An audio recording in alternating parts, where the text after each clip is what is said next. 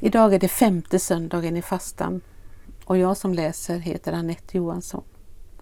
Och dagens rubrik är På väg mot Golgata. Men Jesus teg. Matteus evangeliet 26 och 63. Femte söndagen i fastan inleder passionstiden.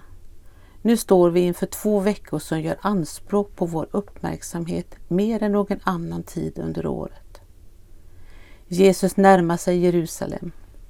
Vi närmar oss de avgörande existentiella frågorna. Våra föreställningar om livet och döden utmanas i grunden av någon som ännu talar fast han blev dräpt. Gud blir människa för att dö. Den tidiga kristna traditionen är enig om sambandet mellan inkarnationen och korset.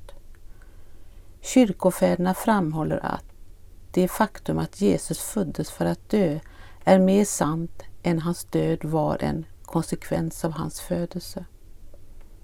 Här finns en djup mening, en allmänmänsklig erfarenhet som teologen Hans, von, Hans Urs från Baltasar sätter ord på i vår egen tid.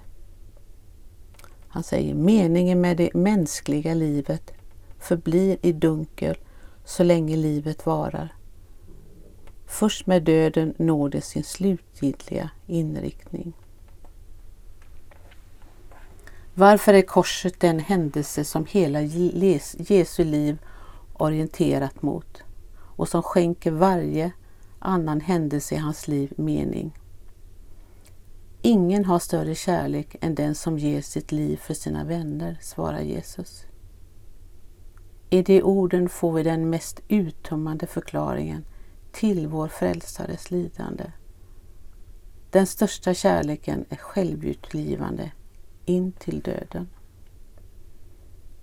Ju mer Jesus lider, desto barmhärtigare visar han sig. Tidigare har han riktat hårda ord till fariseer och de skriftlärda, inte nu längre. Under sitt lidande är han tyst. I det ögonblick när Guds ord tystnar förmedlar Gud sitt slutgiltiga ord. Jesus talar när han är tyst. Han förhärligas när han korsfästs. Han segrar när han förödmjukas. Inte ens när han tidigare gjorde sina djärva anspråk som inleddes med Jag är talade han det självmedvetna språk. Golgata. Inte vad rättfärdigheten krävde utan vad kärleken ville. Vi förenas i bön. Herre, gör våra hjärtan mjuka så att vi mer än allt annat söker din shalom för vår värld. Amen.